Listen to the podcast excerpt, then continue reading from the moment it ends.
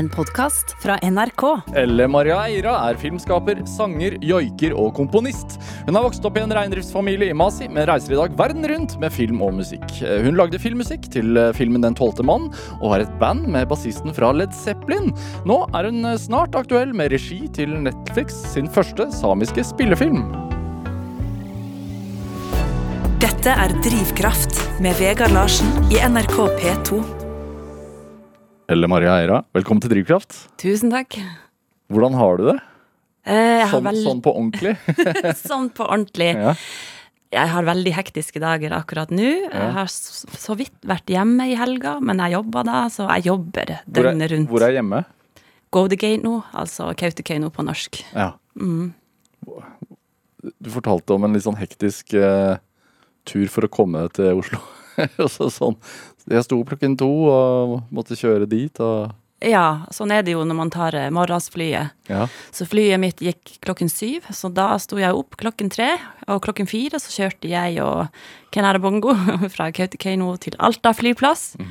Og så er det jo svært ofte at vi har en mellomlanding i Tromsø, og så bærer det videre til Oslo. Ja. så jeg hadde en veldig lang dag i går. ja. Få sovet ut nå. Ja, jeg fikk sove i natt. Ja. Sov kjempelenge. Du er jo i Oslo. eh, Jeg, nevnte jo her i introen om det, som kort oppsummerer det du sysler med. Så driver du og er midt i hva skal man si, preproduksjon og snart i innspilling av NRKs kommende sånn storserie Makta. Ja. Som handler om Gro Harlem Brundtlands vei til makta, rett og slett. Ja. Ja. Så det er derfor jeg er her nå, og skal være her i en måneds tid. Og som jeg sier, jeg har det veldig hektisk nå. Ja. Så jeg har regi, eh, på en av de episodene. Mm. Hva kan man si om den serien? Eh, jeg har ikke lyst til å si så veldig mye akkurat nå. Men ja, at den handler om Gro Harlem Brundtland og Arbeiderpartiet. Ja. Nei, Og hennes vei mot det å bli statsminister. og er en dramaserie. Det er en dramaserie, ja. Fiksjon. Mm, ja. Det, liker du å ha det hektisk? Både òg. Jeg liker å jobbe. Og hvis jeg gjør noe som jeg syns er givende og spennende og utfordrende, så, så liker jeg liksom det å jobbe. Jeg tror jeg jobber egentlig ganske mye hjemme, og selv om jeg ikke er i opptak eller forproduksjon, så sitter jeg og sysler med mine ting. Går inn i studio av og til, og, eh, eller sitter og skriver, eller Har du studio hjemme? ja, jeg har hjemmestudio, så jeg kan gå dit når som helst, og det er veldig fint å ha eget studio. Og så sender jeg filer eh, til mine eh, venner, som også er musikere. Og så får jeg tilbake, og så tenker jeg oi, de har gjort det, de har gjort opptak, eller har tilført noe ekstra eh, ja, av filen som jeg hadde gjort, da. Ja. Så det er sånn jeg jobber, og de bor jo, de musikerne som jeg samarbeider med, bor i Skottland, Irland og England og Tromsø. Ja. og Da spiller det jo ikke noen rolle at man bor i Kautokeino. Nei. Nei, absolutt ikke. Hvorfor har det blitt sånn at du jobber på kryss og tvers av grensene? Um, det har vel vært sånn nesten hele tida. Altså, når jeg begynte å jobbe med musikk og film, uh, så fikk jeg jo flest forespørsler eh, fra utlandet. Svært lite i Sør-Norge. Så eh, mine første konserter hadde jeg i Nord-Norge, eh, lokalt i Kautokeino, Alta, litt i Tromsø. Og så begynte jeg å få forespørsler fra Tyskland og Frankrike og Canada og Brasil og Guatemala og Kina. Altså sånn har det bare balla på seg. Så jeg oppdaga jo fort at mitt publikum er det internasjonale publikummet. Og det samme gjelder med film òg. Jeg spiller jo inn lokalt i Godegeino, da. Men eh, filmvisningene mine er jo i utlandet. Hvorfor er det sånn, tror du? At det er mer interesse der ute enn f.eks. bare her i Oslo? Ja, nei, det er et godt spørsmål. Um, jeg tror kanskje folk er nysgjerrige og veldig gira på å lære mer om samisk kultur, og, og det å oppdage noe nytt, kanskje. Eh, så det, det er veldig vanskelig å svare på det. Men jeg har jo holdt på med film og musikk nå siden jeg var 22 år gammel. Eh, så mm, Nei, det er et veldig godt spørsmål. Jeg tror det er et marked for oss der, da. Det er det jeg tror. Du kom, du kom jo akkurat hjem fra Venezia. ja. Uh, stilt ut det er, det er ikke feil å si det, at du stilte ut filmen din. Ja, jeg stilte ut to filmer. Ja. Uh, det var samisk eh, fokus på Venezia-biennalen. Mm. Uh, fortell.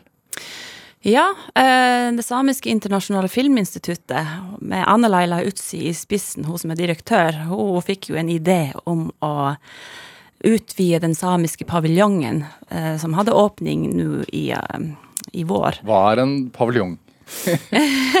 Nei, for det er jo eh, Når det er Venezia Biennale, så er det jo eh, ulike paviljongen. Spanske, franske, tyske. Hvert land har sitt paviljong hvor de stiller ut kunst. Eh, mens i år ble den nordiske paviljongen eh, omforma til den samiske. Eh, og i forbindelse med det så ønska Anne Laila Utsi eh, å utvide den eh, paviljongen med samisk film. Så da satte de opp en lavvo på San Servolo, som er en lita øy. Eh, så når jeg kom til Venezia, så var jo det første jeg oppdaga, var jo Altså, Hvordan ser Venezia ut for de som ikke har vært der? Eh, Det er jo masse øyer der, og du må jo kjøre med båt. Mye folk, masse fine bygninger. Eh, ja, så er det jo mye vann rundt. Men det var jo det første jeg så, var jo oppdaga jo lavvoen, som jeg tenkte det her passer jo ikke inn her. Men det var jo helt perfekt for filmene våre som vi stilte ut. Vi var jo fem regissører som stilte ut hvert vår film, mens jeg hadde to filmer. Ja, har du blitt invitert, da? Ja, ja. ja. Er det, Eh, er det noe da oppdrag i den invitasjonen, eller er det, står du fritt? Nei, jeg hadde jo Jeg var jo med på noen samtaler, da. Panelsamtaler og så videre. Og så hadde jeg noen møter og møtte folk og Nei, men sånn i forhold til hva du bidrar med, altså sånn Fikk du noen øh, Var det noen oppskrift på hvordan det skulle være? Jeg skjønner jo at det var sånn Eller det var noe noe ja, sånn sånn. Ja. altså vi skulle jo lage 360 VR-filmer, da. Ja. Så det passa jo helt fint å vise dem frem i en lavvo som er jo rund, en sirkel som er 360. ja, så det var altså, Hva skal man si Lerretet gikk rundt he, i, i en 360. Ja, lerreten var inni lavvoen, så du gikk inn i lavvoen, og så var du, sto du midt i der, liksom, å kunne oppleve filmen og lyden liksom, som var overalt rundt deg. Det var veldig spesielt. Ja, hva viste du? Hæ? Hva slags film viste du? Um, jeg lagde jo to filmer. Den ene ble vist inn i en lavvo, den andre kunne man oppleve når man tar på seg VR-briller. Så um, jeg lagde film om reindrift og om min egen familie. Uh, hvor jeg filma da um, reinflokken vår inn i et reingjerde. Eh, hvor vi da jobber Altså, ja, vi gjorde det vanlige som vi ellers gjør. Det er jo arbeid. Vi jobber jo inn i et reingjerde hvor vi trekker rein, og hvor vi eh, muligens sprøyter og skiller en reinflokk. Eh, hvor vi ser å, er alle reinene mine her? Man får en slags oversikt. Hvor mange er rein er det inni Altså når du, Eh. når du har dine rein der, hvor mange er det? Å ja, det, var, det kan ikke jeg si. Å nei, hvorfor ikke? Er det Unnskyld, er det Hvorfor kan du ikke det? Nei, men det er liksom ikke Det er som å spørre hvor mye penger, Penger har du. du har. Ja. Jeg spør det òg Ja. hvis jeg har eh, bemidlede i studio. Så spør jeg noen ganger hvor rik er du. Jeg liker ikke å fortelle det, Nei, akkurat hvor mye rein jeg har. Men ja, um, vi setter ikke Altså, vi setter jo hele reinflokken i et gjerde, og så henter vi dem puljevis inn i kverna, hvor de da løper rundt eh, i en sirkel. Så min film handlet jo om det, da. Så du, når man sto i midten på den lavvoen Så hadde du liksom en hel reinflokk, eller en sånn, en liten del av reinflokk som springer rundt deg, da. I Fantastisk. sirkel. Ja. Og den andre filmen handler om vårflytting. Eh, som man kan oppleve gjennom VR-briller. Ja. Eh, så da er du rett og slett med på en reise på vårflytting med en hel reinflokk nordover. Fra vinterbeite til sommerbeite. Det å stå inne i en sånn eh, tornado av regn når de løper rundt deg, hvordan føles det? Det er jo veldig suggerende, hypnotisk. Men det kan også være veldig mediterende for meg, da. Eh, det er veldig spesielt, må jeg si, og det var derfor jeg hadde lyst til å lage film om det. Ja. Så det blir jo en slags sånn installasjon, da, med både av film og lyd. Ja. Mm. Hvilke tanker gjør man seg, tror du? Jeg tror det er opp til hver enkelt. Ja. Men for meg er jo det her det mest naturlige i hele verden, akkurat å stå der i midten. Men jeg møtte jo folk som har aldri opplevd det før, og de syntes jo det var veldig spesielt. Og så sa de det at oi, vi har lyst til å komme nordover og oppleve det her på ordentlig. Mm. Men det er ikke noe altså Når man stiller ut på Venezia-banalen, så er det jo ikke noe Det er ikke for å markedsføre turisme. Det er, hva var liksom mening hva, Hadde du noe Det er jo å gi en liten bit av oss sjøl, og det å dele eh, våre historier til publikum, vise en del av kulturen og språket, og ja, kanskje eh, folk oppdager mer og mer eh, hva vi har å gi. Eh, og, og, Og at det kanskje inspirerer også. Så det er jo på en måte å være der og stille ut. Det kan åpne opp nye dører, og så får du Og så er det kanskje flere som oppdager deg, da. Så får du flere forespørsler og så videre. Ja. Hvorfor er det viktig, tenker du, å vise den siden? Um, nei, for jeg føler det at vi har kanskje vært litt uh, usynlige. Uh, sånn sami generelt. Um, folk vet så lite om oss jeg blir jo svært overraska, til og med her i Oslo når jeg prater med folk. Folk vet jo nesten ingenting. Har aldri vært uh, i Kautokeino heller. Mm. Og folk vet veldig lite hva som skjer i reindrift også. Det har jo foregått veldig mye i det siste. Um, jeg er jo reindriftssame sjøl, da, så um, Så jeg syns det er fint å gi et eh, innblikk uh, i det som foregår. Mm. Blant annet så er det er åtte årstider. Altså ja, vi har jo åtte årstider. Ja. Eh, Hva, hvilke er det? Eh, skal jeg ramse opp alle? Ja. vinter, vår, vinter, vår, vår, sommer, sommer, sommer, høst. Høst, høst, vinter, og så kommer vi tilbake igjen vinter. Og, og, nå, og nå, som det er september, hvilken årstid er man inne i da? Nå er det um, høst-sommer. Hva vil det si? da? Sommer-høst. Hvordan sier jeg det på norsk? At det er en sånn overgang fra sommer til høst. Nå snart kommer høsten. Ja. Og nå, eh, mens jeg er her i Oslo nå, jeg skal være her i en måned, så vet jeg det at Altså, min store bekymring var det at jeg kan ikke være med på høstslaktinga, og det er når vi setter reinflokken inn i reingjerdet. Eh, jeg går glipp av det. jeg er jo der hvert år. Mm. Og den andre var det at oi, jeg får ikke plukka tyttebær, for nå er det tyttebærsesong. Jeg er veldig glad i å plukke bær og høste min egen mat. Så, og når vi slakter rein, også det at jeg bruker å røyke kjøttet. Salte og så røyke, så, har jeg, så lagrer jeg kjøttet, og så har jeg liksom mat for hele vinteren. Mm, det, men akkurat nå, hva skjer nå, da? I september? Eh, vi skal sette reinflokken inn i gjerdet. og så Akkurat nå så holder de på å flytte eh, i høstbeiteområdet mot vinterbeite. Og i midt imellom vinterbeite og sommerbeite så setter vi reinflokken i gjerdet, og så skyller vi dem. Så går hver deres familie til hver sitt vinterbeiteområde etter det. Og i forbindelse med det så slakter vi rein. Eh, og ja, og så tørke, henger vi opp reinskinn og parterer kjøttet og røyker kjøttet osv. Ja. Jeg er veldig glad i mat, hvis du hører det. Jeg er glad i å lage mat. Ja. Er det en fordel? Eh, ja, men jeg har jo vokst opp med det å lage, altså, lage mat uh, fra bunnen av, med ekte råvarer. Og derfor så liker jeg å plukke masse bær og sånne ting. Dette er Drivkraft med Vegard Larsen i NRK P2. Og i dag er eh, multikunstner Elle Maria Eira her hos meg i Drivkraft på NRK P2. Eh, uh, du skal jo også, i tillegg til eh, Makta, som starter innspilling nå, snart ha regi på en Netflix-film. Ja. Eh, Netflix sin første samiske spillefilm. Ja, det stemmer. Er det ikke noe sånn? Ja, det stemmer. Er det, er det en viktig milepæl? Ja, det tror jeg for den hele samiske filmbransjen, da. Vi er jo en liten samisk bransje da i Sápmi som holder på med film, så jeg tror det her er jo en døråpner for eh, alle de andre. At folk ser oss og oppdager oss, og at Netflix går i fronten liksom, og bare har trua på oss og til, og de har lyst til å løfte opp eh, samiske stemmer. Mm. Eh, så det er jo veldig stort, eh, føler jeg, for oss alle. Mm. Mm. Hvor i løypa ligger du an? I preproduksjon. Ja. Eh, det går fort unna her. Eh, så um, jeg kan jo heller ikke snakke så mye om det akkurat nå, mer enn det som har kommet ut, da, så ja. Det er basert på en uh, svensk uh, samisk suksessroman. Ja. Uh, Stjålet? Stjålet heter den på norsk. Ja. Hva, hva, handler den om? Den handler om, handler om ei jente som heter Elsa. og Hun har vokst opp i reindriftsfamilie, og, og de opplever jo en del hat og fordommer da, mot samer, og reindriftssamer spesielt. Um, så en veldig spennende bok å lese. Jeg anbefaler det. Um, traff den deg personlig? Personlig så traff den meg, og Hvordan da? Nei, jeg følte på en måte at det kunne ha vært meg. jeg kjente meg igjen i hovedkarakteren og hele miljøet. Altså, det kunne jo vært handla om oss og min familie. Men jeg tror også at flere andre kan kjenne seg igjen i det, spesielt andre urfolk.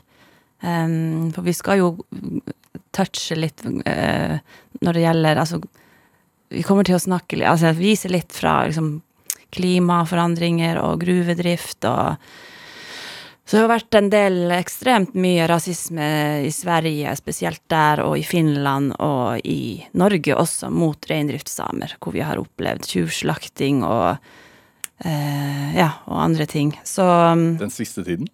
ja. Oh, ja. Hva, ja. er det? På for, forskjellige måter. Altså, det kan være også på sosiale medier, for eksempel. Her er det jo ekstremt mye stygt som blir skrevet, og kanskje enkelte aviser fremstiller oss som the bad guys også. At vi, det vi gjør, det er miljøkriminalitet. Um, Hva handler det om, den debatten her? den, er, den er jo kompleks, da. Men eh, jeg har jo opplevd det, sånn som jeg har jo laga film de siste ti-tolv årene som handler om reindrift i forskjellige formater. Eh, den siste filmen som jeg og Kenare lagde, heter Ælat, som handler om altså min egen familie, og hvor vi gikk gjennom um, beitekrise under korona, altså pan pandemien. Og da var det jo en, en, en enkelt uh, journalist uh, fra Tromsø som ha, tydeligvis ikke hadde skjønt helt Altså, hun vet, vet så lite om samisk kultur, og hun kritiserte meg for at det er vi som forurenser, og det er vi som lager alle de veiene som er lagd eh, til fjell, altså på, som er på fjellet på våre sommerbeite. Og når jeg visste slaktescener, da, det var liksom Oi. Eh, det var en mishandling av rein. så, eh, men jeg skjønte jo fort at hun har jo ikke peiling, egentlig. Hadde hun satt seg litt mer inn i historien, så hadde hun skjønt at det er jo de som har bygd, bygd kraftlinja, monsterkraftlinja, det er jo de som har lagd den svære, fine veien som går opp til fjellet. For vi har jo vært i rettssak nesten årlig eh, mot Statnett, og tapt gang på gang på gang. Eh, fordi de har begynt å bygge en monsterkraftlinje, og den monsterkraftlinja går gjennom flere reinbeitedistrikter i Finnmark. Ja, så her så Og, og i tillegg så kommer eh, hva skal man si, den globale oppvarmingen, som man sikkert også kjenner Ja, altså sterkt på det- kroppen. det, Ja, altså de som jobber med rein, det er jo å være reindriftssame. Det er en fysisk krevende jobb, mentalt også. Eh, samtidig som vi prøver å ta vare på tradisjonen og kulturen og, og livsstilen. Eh, så opplever jo vi liksom eh, eh, inngrep i våre beiteområder på forskjellige måter. Gruvedrift, eh, vindmøllepark, eh, kraftlinjeutbygging, hytteutbygging. Mye trafikk som er på fjellet da, i forbindelse med det. Og, så eh, opplever vi da værforandringene, klimaforandringene, og spesielt for to år siden, da var det jo ekstremt krise i, i Finnmark. Ikke kun der i Finnmark, men også i Nord-Sverige og Nord-Finland. Hvorfor det? Eh, på, grunn av, på grunn av klimaforandringene, da. Jeg har, jo snakka mye med faren min om det her, og han sa at jeg, jeg ser at, det, at det, har, det har skjedd en forandring her, og det er noe som Han klarte ikke helt å sette ord på det, på hva det var. Han hadde oppdaga det at fuglene har begynt å oppføre seg annerledes. Og reinen også. Altså oppførselen til reinen er litt rar. Men, men hvordan? Ja, fordi at de kan gå i alle retninger, eh, og i små eh, Kan løpe alene når de egentlig skal være Altså når de egentlig er sammen med resten av flokken. Altså de blir spredd i alle retninger. Eh, det, og det, vi, det som skjedde for to år siden, og det som skjedde i vinter òg, det var det at beita låste seg, og det vil si at når det er 30 minusgrader i Kautokeino i januar, og dagen etter regner det, og så kommer det 30 minus igjen, så blir det islag i bakken, som gjør at reinen kommer seg ikke gjennom bakken, og da kan de potensielt sulte i hjel. Så derfor så måtte vi fôre reinflokken for første gang for to år siden, og det måtte vi gjøre i år, også i vinter. Og det er jo fysisk veldig krevende arbeid. Jeg har jo vært med sjøl og fôra en reinflokk, eh, og det, samtidig så er du på jobb og skal gjete, og, og så passe på at ikke de drar i alle retninger, at ikke det blir sammenblandinger av andre reinflokker. Kunne faren din opp, huske å oppleve noe lignende? Nei, ikke på denne måten her. Eh, og han har jobba eh, med rein i over 50 år. Han begynte å jobbe når han var 12 år, liksom. for, altså det å være med faren sin oppe på fjellet. Mm. Så han syns jo det her er veldig merkelig, og at vi må også prøve på en måte omstille oss, og det å ja, at vi må begynne å fôre en rein, reinflokk er jo veldig rart. Ja. det er jo ikke tamme dyr, det er jo ville dyr. Um, så det er spesielt. Um, eller Maria, det, det, i tillegg til dette her, så er det jo Du er jo musiker òg. Du lager jo ikke bare film. Ja. Eh, du spiller blant annet i et band som heter Snow Eye. Mhm. eh, sammen med eh, ja, den gamle bassisten i Led Zeppelin. ja. Det er en fordel, det, da. Man får litt mer oppmerksomhet. Men det er en fordel i og med at han er så dyktig. ja, Og eh, så han kan spille hvilken som helst instrument. ja, John Paul Jones, hvordan traff dere hverandre? Ja, altså vi er jo tre personer i det bandet. Det er meg og John Paul Jones og Lucy Parnell. Hun Ja. bor i Skottland. Um, vi møttes faktisk i Vadsø for uh, seks år siden.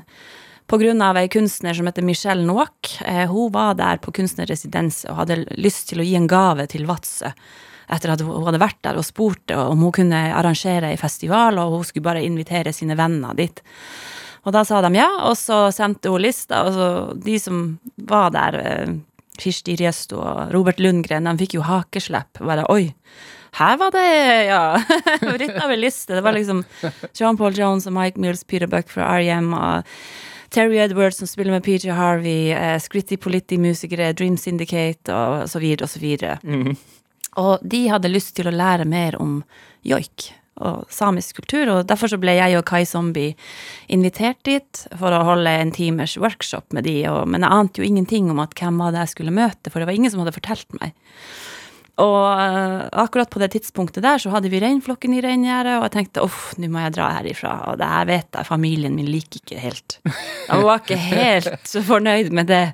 Og jeg hadde dårlig samvittighet, litt stressa, men så kjørte vi til Vadsø. Skal du holde på med den musikkgreiene igjen? Ja, vi har, du vi har viktigere ting å Ja, drive men sånn er det jo. Skal du ha rein, så må du jobbe med dem òg. Ja. Nytter ikke å bare eie rein. Det er ditt ansvar. Men, så dro vi nå dit og hadde jo joikeworkshopen, og, og jeg utfordra dem, så, så sa jeg det at jeg har lyst til å improvisere. Det er opp til dere. Hvis dere klarer å følge meg, så kan jeg følge dere. Og på den måten eh, traff vi hverandre, og han kom jo rett bort til meg etterpå. Og vi prata masse, men jeg ante fortsatt ikke hvem jeg sto og prata med, for jeg kjente han ikke igjen. det var ikke før etterpå jeg måtte Å ja. Fordi at jeg er jo vokalist sjøl, og jeg husker vokalister som oftest, hvordan de ser ut. Spesielt eh, hvis vi skal begynne å snakke om band fra 60-, 70-tallet, 80-tallet. Ja. Så jeg husker kanskje vokalistene, hvordan de ser ut, men ikke resten av bandet. Det er ikke så rart. Nei. Og da, men også fant dere ut at dere skulle jobbe sammen? da? Ja, da ble jeg invitert til London etter det, og så dro jeg dit, og så jamma vi hjemme hos Michelle Noack, hjemme i stua hennes. Og en liten stund etterpå så inviterte han John da hjem til seg sjøl, og da bodde vi der. Og så spilte vi inn og jobba knallhardt hele uka i studio. Skal, skal vi høre? Men det er en, en ting må jeg bare si. Ja. Det jeg la merke til, at jeg og Lucy vi ble liksom sånn utslitt etter hver dag, mens han Nei, det var ikke snakk om at han var sliten. Hva skyldes det, da? Ga, hva skal man si? Eh, seig kondisjon? Ja, Ja. var, han ble jo aldri sliten. Skal vi høre litt av, av en låt som heter When the Levy Breaks? Hva, hva er det å si om den? Eh, det er jo en eh, gammel klassiker som Led Zeppelin har spilt inn, men det er ikke deres låt, da. Eh, så John Paul Jones ville gi den ut på nytt i, i, i forbindelse med Peace uh, Through Music. Uh, nei, hva den heter nå. Nå fikk jeg hjerneteppe her. Uh, hvor han da inviterte flere musikere om å være med. Playing for change. Playing for Change? ja. Yes. og da ble jeg invitert til å være med, og jeg fikk lov å gjøre hva jeg ville, så jeg lagde en ny joik til When the Livy Breaks. Skal vi høre? Ja.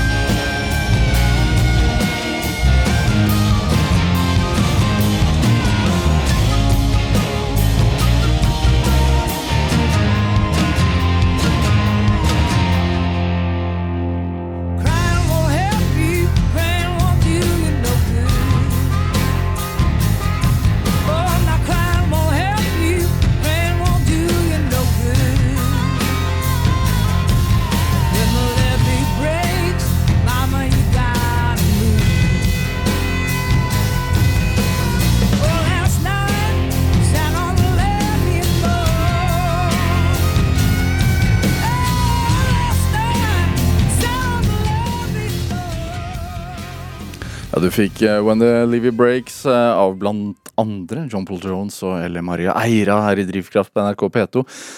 En låt vi spiller i dag fordi at eh, Elle Maria Eira er dagens gjest her i Drivkraft. Det er ikke helt altså, Det er ikke sånn musikk du vanligvis lager. Nei, det er det jo overhodet ikke.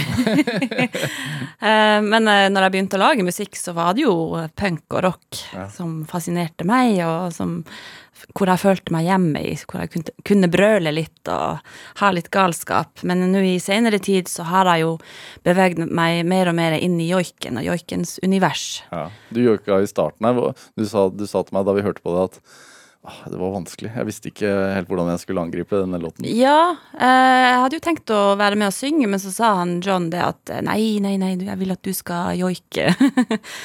så, men jeg gikk inn i studio og, og tror jeg bare gjorde et par versjoner, og det var det. Så det gikk, det gikk fint til slutt. Er det vanskeligere? Ja, det er vanskeligere å lage joik til ferdig musikk, syns jeg, da. Ja. For jeg vil, så når jeg lager musikk, så er det alltid joiken jeg begynner med. Og så komponerer jeg musikken rundt det. Ja. Eh, så joiken er alltid grunnlaget, på en måte, eh, i min musikk. Ja. Hvorfor, hvorfor er det en, sånn naturlig? Joik er jo mitt språk, kan jeg jo si. Eh, mitt hjertespråk, og eh, hvor jeg føler meg hjemme i. Og joik er jo noe jeg har vokst opp med. Fra fars side, eller? Ja, på, på min fars side. Det har du fått med deg, ja. Ja. Eh, så jeg begynte å joike når jeg var lita jente, og um, har lært meg å joike på den tradisjonelle måten. Det var det det første jeg gjorde. Altså den urgamle, tradisjonelle måten, for joiken har jo forandret seg de siste 10-20-30 årene, den, den er stadig i forandring. Mm.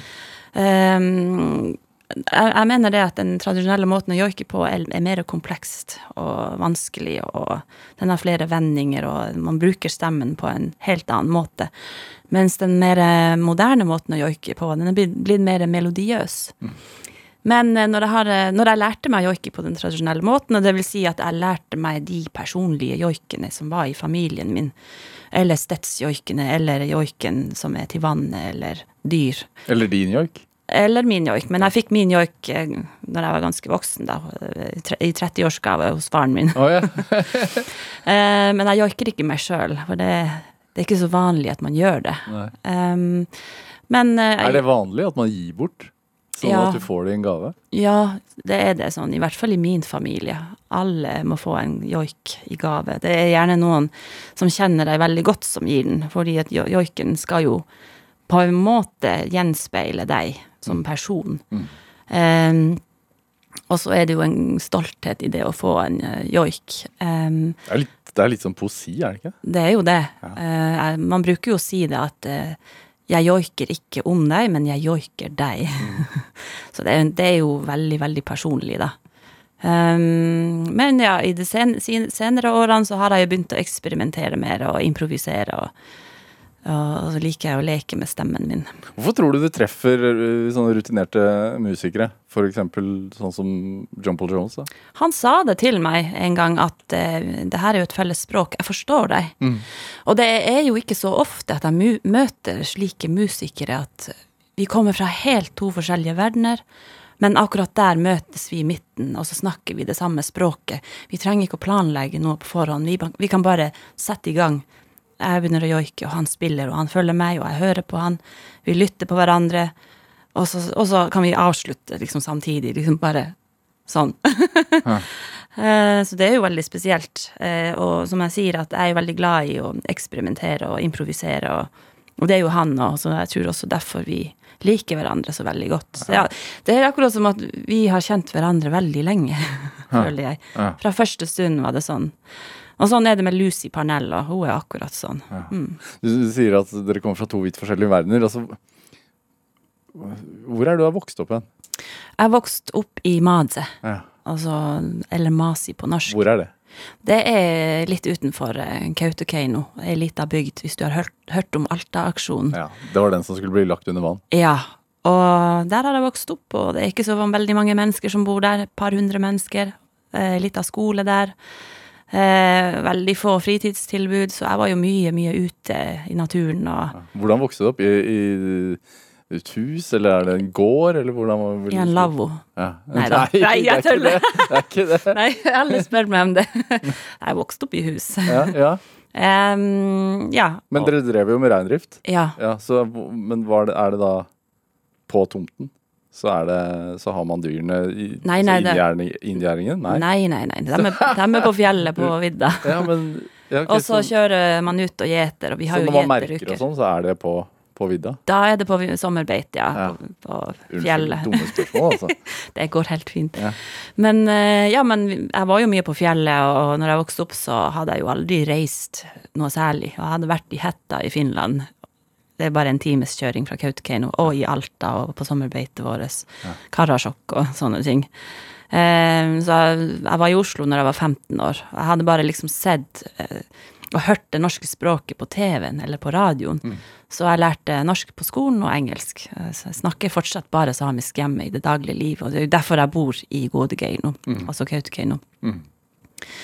For det er så fint å kunne bare snakke på samisk. Jeg bruker å si det at eh, å reise fra Oslo til eh, nå, det er jo som å gå gjennom et Narnia-skap. Altså, jeg kommer til et helt annet eh, univers. Hvordan da? Ja, fordi jo, vi har jo et helt annet kultur der, eh, et annet livsstil, og man trenger ikke å planlegge så mye. Det er ikke så mye trafikk, og man trenger ikke å følge klokka helt sånn slavisk. Eh, og så kan vi snakke det samiske språket i hverdagen, i butikken, eh, eller bensinstasjonen, eller skolen, hjemme. Eh, og fin natur. og Det, jeg er veldig glad i naturen. Så det er ro, da, med andre ord. Ja, det er jo en stillhet der. Jeg merker jo når jeg kommer hit, det er jo veldig mye støy hele tida. Og det kan jeg jo bli litt sliten av noen ganger, så det er fint å komme hjem. Hvem var du som barn, da? Hvem? Ja. Jeg var nok eh, ei som drømte veldig mye. Og mamma bruker å si at jeg var veldig sta. Du er den staeste av alle. Var? Var og er. Kanskje. Um, Hva drømte du om, da? Jeg rømte, rømte og drømte. Veldig mye Jeg så på film veldig mye og forsvant i en annen univers. Eller eh, når jeg var på skolen inn på musikkrommet, for mamma jobba jo som lærer, hun brukte å åpne musikkrommet for meg, så jeg satt der på ettermiddagene. Da drømte jeg meg inn i musikkens verden, da. Ja. Og begynte å skrive låter når jeg var åtte, ni, ti år gammel. Drev moren din med musikk også? Nei, eh, men faren min er jo en joiker, så Ja. han, han er jo en musiker, da. Eh, men mamma, hun, han, hun kjøpte kamera når vi var små, så hun filma oss hele tida. Og når jeg har sett på rå, altså de opptakene hun har gjort, det er jo Hun har jo et veldig bra øye. Filmøye. Eh, så da fikk jeg lov å bruke kameraet hennes, og så begynte jeg å filme sjøl. Og det, jeg har jo allerede egentlig lagd spillefilm når jeg var tolv år. Reklamefilmer og jeg har arrangert eh, konserter og med søstrene mine hvor jeg har liksom tvunget dem til å synge helt til de blir så lei og sliten. Hvor mange er dere i flokken? Eh, jeg har to søstre og eh, lillebror, så jeg er eldst. Du er eldst. Mm. Hva gjør det? Hva å være eldst? Ja. Nei, kanskje med det at man tar litt mer ansvar. Man må passe på de yngre, og jeg passa på dem veldig mye når jeg var eh, liten. Um, men det er jo veldig fint å ha sånn stor familie. Jeg har jo egentlig eh, veldig stor familie, og folk eh, bruker å få sånn eller folk bruker, bruker å bli litt sjokkert når jeg sier hvor mange søskenbarn jeg har. Nå kan du gjette hvor mange. nei, Jo, nei, si nei, et tall. Hvor mange søskenbarn? Ja, jeg har. Ti, da? Nei, 80. Oi, nei, i all verden. Ja, så jeg kommer fra en veldig stor familie, og både på mor og fars side, de, er, de kommer fra reindriftsfamilier begge to, og de fleste jobber med rein. Og på fars min side så er jo de en stor, stor joikeglad familie. Jeg vil tørre å påstå at alle sammen joiker der. Men det Og det er jo da Da har man jo et kunstnerisk uttrykksbehov i familien, selvfølgelig. Mm. Eh, men, men ditt Altså Var det gjennom den derre drømmingen og rømmingen gjennom visuelle medier? Ja, for jeg drømte liksom, jeg så jo på film liksom, oi, kan, kan det være sånn? Og Hvilke jeg- filmer så du? Eh, Drømmen om Narnia, for eksempel. Jeg har masse tegnefilmer først. Og så var jeg med i en sånn filmklubb når jeg var liten. Så jeg fikk som VHS-film VHS, tilsendt én gang i måneden. Åh. Eh, og hadde veldig lyst til å være med i en sånn CD-klubb, men jeg fikk ikke lov, jeg måtte velge. Men så tenkte jeg jo, men film, der er både film og musikk. Så jeg har jo oppdaga mye musikk gjennom film Også, så Tenk så magisk det var. det var jo veldig magisk. En gang i måneden Ja, istedenfor hver dag. Ja, ja, og så hadde vi en sånn kiosk der så kunne hvor jeg kunne leie film. Mamma var jo også veldig glad i å, å se på film, leie film og sånt. Um, Var det en slags skolering? Å se mye film? jeg tror det kan være det, men også det at jeg liksom filma mye sjøl med eh, mamma sin filmkamera. Ja.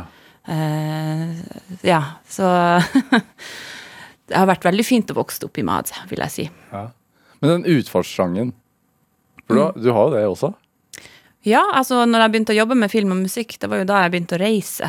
Eh, men jeg er jo egentlig ikke så glad i å reise. Det er litt sånn her en jeg må, det er en nødvendighet. Eh, men i de siste årene har jeg begynt å vurdere om er det nødvendig å reise så mye med fly og Ja, men så tenker jeg ok, men det er kanskje viktig å gjøre det her. Så jeg velger ut hva jeg vil gjøre, og, og, og hvorfor er det viktig for meg, tenker jeg.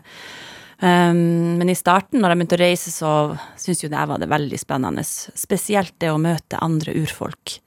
Eh, for der føler jeg meg hjemme. Vi, jeg kjenner meg igjen liksom, når jeg møter de. Liksom, alt, det er så mye likhetstrekk der med kulturen og språket, og det, de har kanskje gått gjennom den mørke koloniseringa og den mørke historien de har, eh, fortida, da, sånn som vi også har i Sápmi, da. Um, Hvordan har den prega deg? Um, uh, altså, jeg har jo begynt å grave mer og mer sjøl, altså om vår fortid. Jeg har jo hørt historier og um, snakka mye med de eldre. Eh, sånn som min bestemor gikk jo en, gjennom en hard fornorskningstid her i Norge. Tvungen? Ja, og, og moren min òg, så Sånn som i Kautokeino, det er jo eksempel ikke lov å joike i kirka.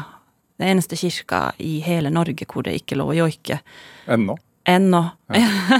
og, og homofile får heller ikke gifte seg der. Så um, Som gjør også kanskje det at det preger det samfunnet, ikke sant. Eh, Jeg syns det er veldig merkelig.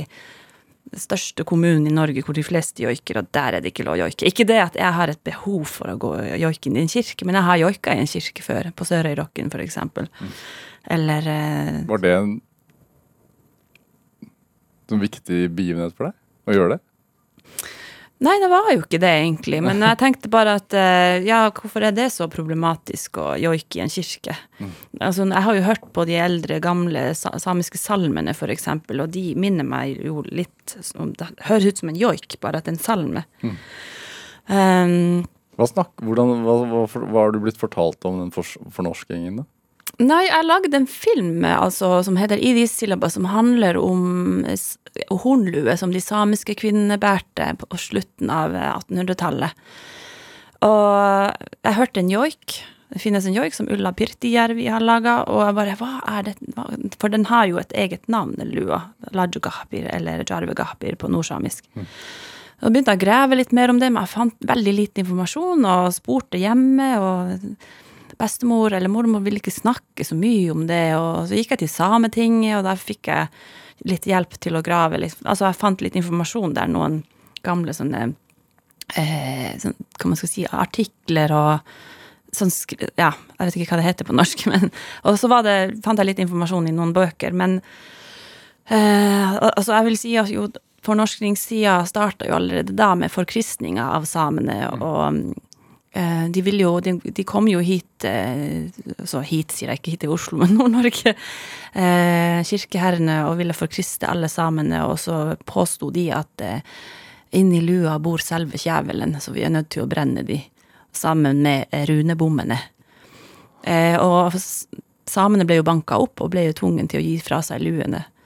Og den, har jo, eh, den historien har jo prega så mye den samiske befolkninga. Altså mine forfedre eh, og min mormor og Så ville ikke snakke om det, så de brant jo alle luene, men ikke alle. De fant jo ikke alle, så etter lua For lua er jo høy. Ser ut som et reinhorn.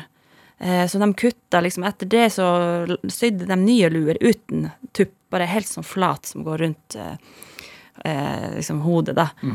Men i de senere tida, da, etter eh, krigen, da, så begynte den lua å bli vokse, bli høy og høy og høy. Nå er den høy igjen. Eh, så jeg syns jo det var fascinerende å, å høre om den historien, at jeg visste ikke så mye om det når jeg var yngre. Fordi at det var skam involvert? Og... Det var skam. Og samtidig ble det jo en skam å joike også, og det å bruke runebomme. Og, og samene ble jo forkrista og Aha. Når var det du skjønte at dette var en del av historien din? Eh, det var vel eh, når jeg hørte joiken tidlig 2000-tallet. Eh, så, så, som gjorde det at senere tid så ville jeg lage en film om det. Og det var jo også den mens jeg holdt på Mens jeg jobba med filmen, så fikk jeg jo høre fra folket at Ikke alle, men enkelte. Oi, så du lager film om, om den lua. Det er jo i selve jævellua, det. Um, men nå i senere tid så ser jeg det at de yngre tar tilbake lua. De har begynt å gå med det. At de, de syr sin egen lue, og så går de med lua. Um, så jeg begynte jo også samtidig mens filmen min kom ut, så begynte jeg å bruke den lua på scenen. Jeg ville markere liksom, og jeg tok den på meg når jeg gikk på scenen, og følte meg så sterk. Ja. Um, ja. Et politisk eh, standpunkt, rett og slett? Eller som en sånn Sånn Hva skal man si? Power uh, Ja, den- den ga statement, meg en- altså sånn ja. Ja, den ga meg en kraft, og så ville jeg ta det tilbake og eie det. Um, ja, og så syns jeg jo den er utrolig tøff i tillegg. Den, ser jo, den er jo veldig spesiell. Var det, hvor, hvor mye prata dere om Altavassdraget og, og sånn da du vokste opp? Du er jo født i 83, ja. og det var jo året, Uh, vi, året etter den konflikten. ja, og jeg har jo hørt mange, mange historier. Altså min um, tippoldefar og besteforeldrene mine, de hadde jo en stille aksjon i Madse. Hvis du har sett det bildet, ikoniske bildet 'Vi kom først'. Det er min tippoldefar som står og holder det, i det bildet. Og de bodde jo i Masi, ikke sant. Faren min har jo vokst opp der, og jeg har vokst opp der. Så jeg har hørt masse historier. Eh, min lærer var en av de kvinnene som dro til Oslo for, å okkupere statsministerens kontor. Min bestevenninne sin mamma var også en av de kvinnene. Flere av de kvinnene kjente jeg, og flere av de sultstreikere nå, sånn som Mikkel Eira. Eh, jeg brukte å besøke han da jeg var liten. Han er jo en av de som var sultestreika utenfor Stortinget. Jeg til, øh, altså, ja, jeg er jo i slekt med han, men jeg dro og besøkte han fordi han hadde veldig mange kaniner utenfor huset. Eh, men, men jeg husker det at jeg var litt redd når jeg vokste opp, for det er en bitte liten demning. Den er ikke stor, men den er veldig djup, og den er veldig sånn Så hvis man detter nedi der Den er veldig sånn, hva man skal si, det er sånn stort, Altså høyden er stor. Så jeg trodde det var liksom Alta-demninga, som var rett overfor huset vårt, rett overfor mateskolen. skole. Så jeg brukte å løpe opp dit og tenkte oi, tenk hvis de, legger hvis de ødelegger den her nå, og så blir vi lagt under vann. Så jeg vokste opp med litt angst. ja. Men er det Du har tydeligvis hatt uh, generasjoner før deg som har stått uh, opp for, for det de tror på, da. Ja, altså både familien min og lokalbefolkninga i Mase, men også liksom Når de var jo her i Oslo, så var jo folket her i Oslo støtt Altså, de møtte jo opp og støtta samene. Ja. eh, og ropte 'La elva leve, samene har rett', som var veldig viktig, det òg. vanlige folk møtte opp og aksjonerte og gjorde sivil ulydighet. Har, den, har den historien og, og, og, om det som skjedde den gang Er det en vesentlig dag, tenker du? Ja, absolutt. Um, vi opplever jo på en måte en slags overgrep, men på en annen måte, blant annet i reindrifta. At vi mister beiteland, og, og vi har jo hatt sånn eh, tvangsslaktningsprosess i Norge nå de siste seks-sju årene. Eh, ikke sant, vi må Myndighetene er tvunget til å slakte rein. Eh, Slakte ned flokkene våre i indre Finnmark, samtidig som at vi mister våre beiteland. Hvorfor er det, hvorfor er det en tvangsslakting? Ja, fordi at de har påstått det at det er for mye rein. Ja. Men det er jo litt eh, ironisk, eh, litt merkelig, men- samtidig så må vi gi fra oss våre beiteland. Um, og at eh, kanskje de ikke ser helt i sammenheng med det som foregår når det, når det er klimaforandringer, da. Og beitekrise. Så um, ja, um, ja, jeg har vokst opp i det. Altså, vi snakker om det her i hverdagen rundt kjøkkenbordet i familien vår. Det her med hvor tøft det er, hva vi må gå gjennom, og hva er det vi må kjempe mot. Uh, altså, vi vet jo allerede at vi er jo tapt fra begynnelsen av. Skal vi i retten mot staten? Vi, jo, vi har jo tapt. Eh, så det preger jo meg veldig, og og, og påvirker min hverdag, og, og, hva er Når jeg lager kunst igjen, da, hva er det jeg lager kunst Om. om? Ja, Ja. både i musikk og, og film. Ja. Um, for jeg har jo lyst til å fortelle til resten av befolkninga at hva er det som virkelig foregår i dag? Hva er det som skjer i dag? Og jeg kan jo trekke paralleller til Alta-aksjonen. Ja. Um, ja. Men liksom, det foregår litt under andre omstendigheter, i andre former, kan jeg si. Ja. Mm. Er det? Strukturelt, ja. ja. Er det Jeg veit det er sånn merking om dagen, er det ikke? Av, av ungkalver, er det det? Nei, det har, noen merker nå på høsten, mens vi gjør det i, om sommeren, i juni-juli. Ja. Du har sånn eget reinmerke. Ja. Hva er det? Uh, det er jo et merke som er i reinørene, og alle i min familie har sitt egen reinmerke. Ja. eh, som har gått fra generasjon til generasjon. Vi arver jo også reinmerker, og så kan man jo et, lage et nytt reinmerke, men det er basert på ditt eget. Eksempel min datter sitt reinmerke basert på min reinmerke og min mor sin reinmerke. Så det er jo, for meg er det jo en, en identitet, og det å eie mine egne rein og ha et eget reinmerke. Uten det er, føler jeg at jeg er ingenting. Jeg er ingen. da mister jeg min identitet. Hvorfor er det så sammenvevd? Um, altså, jeg har jo vokst opp med det. eh, det å Altså i reindrifta. Ja. Og er veldig knytta til den. Det er jo hele livet mitt. Eh, en livsstil også som farger min hverdag, selv om jeg er kanskje blitt litt modernisert. Og ja, det, har jo skjedd en stor utvikling fra min far var liten til i dag. Og ehm, Nei, det er mm, Altså, det, altså jeg jo, deltar jo også i, hver, altså, i hverdagen også. Det å jobbe med rein, det å fære ut og gjete reinflokken. Og du nevnte de åtte årstidene. Altså, vi har jo ulike oppgaver knytta til hver årstid.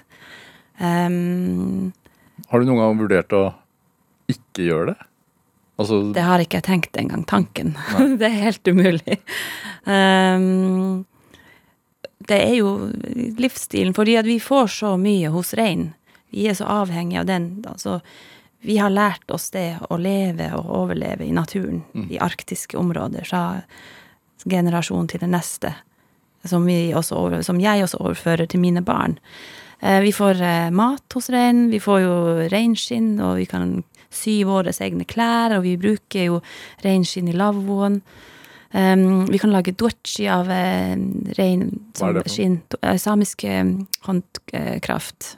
Håndkraft Nei, det riktig. håndverk? Håndverk, ja. Nei, men samisk design, mm. dochi er jo det. Um, som vi kan lage um, sølv, altså sølv av reinhorn.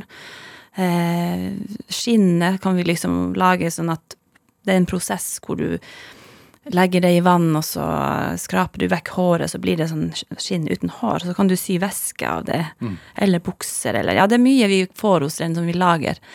Um, og så Så handler det rett og slett liksom om om å leve det gode liv, på en måte? Uh, Nei, det handler om at vi bruker alt det vi får hos rein. Jo, men sånn den Hva skal man si Symbiose Altså Ja. samspillet med, med naturen og reinsdyret og reindriften. Ja. Ja, ja, altså vi Vi bruker jo alt det vi får. Ja. Vi kaster ingenting, og vi spiser alt. eh, og vi har, fordi vi har jo så stor respekt for rein også, at eh, man skal ikke kaste noe. Mm. Er det Hvordan ser reinmerket ditt ut, da? Det vet jeg ikke hvordan jeg skal forklare det på norsk. Eh, det er jo noe liksom, Vi fikk den når jeg var liten, og har lært meg det å pugge den og fortelle hvordan den, den er, og også det å lære meg å skjære i øret. Eh, Min sønn som er tolv år, han skjærte merka sin egen rein for første gang i år, og han var så stolt. Han spurte kan jeg få lov å gjøre det en gang til, og det fikk han lov til. eh, man ser jo det at når man er i, i reingjerdet, og når vi merker kalvene, at hele familien bidrar. Fra de eldre til de yngste. Man tar med babyene sine med. Helt, fra, liksom, helt fra barna er små, så er de med og deltar. Eh, og alle sammen er like viktig. Det er en familiebedrift og et stort samarbeid. Som også gjør at eh, det knytter oss nærmere i familie, men også til naturen og dyrene og, eh, og sånt. Mm. Egentlig en veldig god måte å leve på. da. Ja, det er jo en veldig fin måte å leve på, syns jeg, da, å være ute i naturen. Ja. Mm. Det å være der eh, døgnet rundt. Men også, jeg tenker på det å dra opp på fjellet og være, være, på, være med på reinmerking, eller reinvårflytting, at det er jo veldig lite mobildekning der.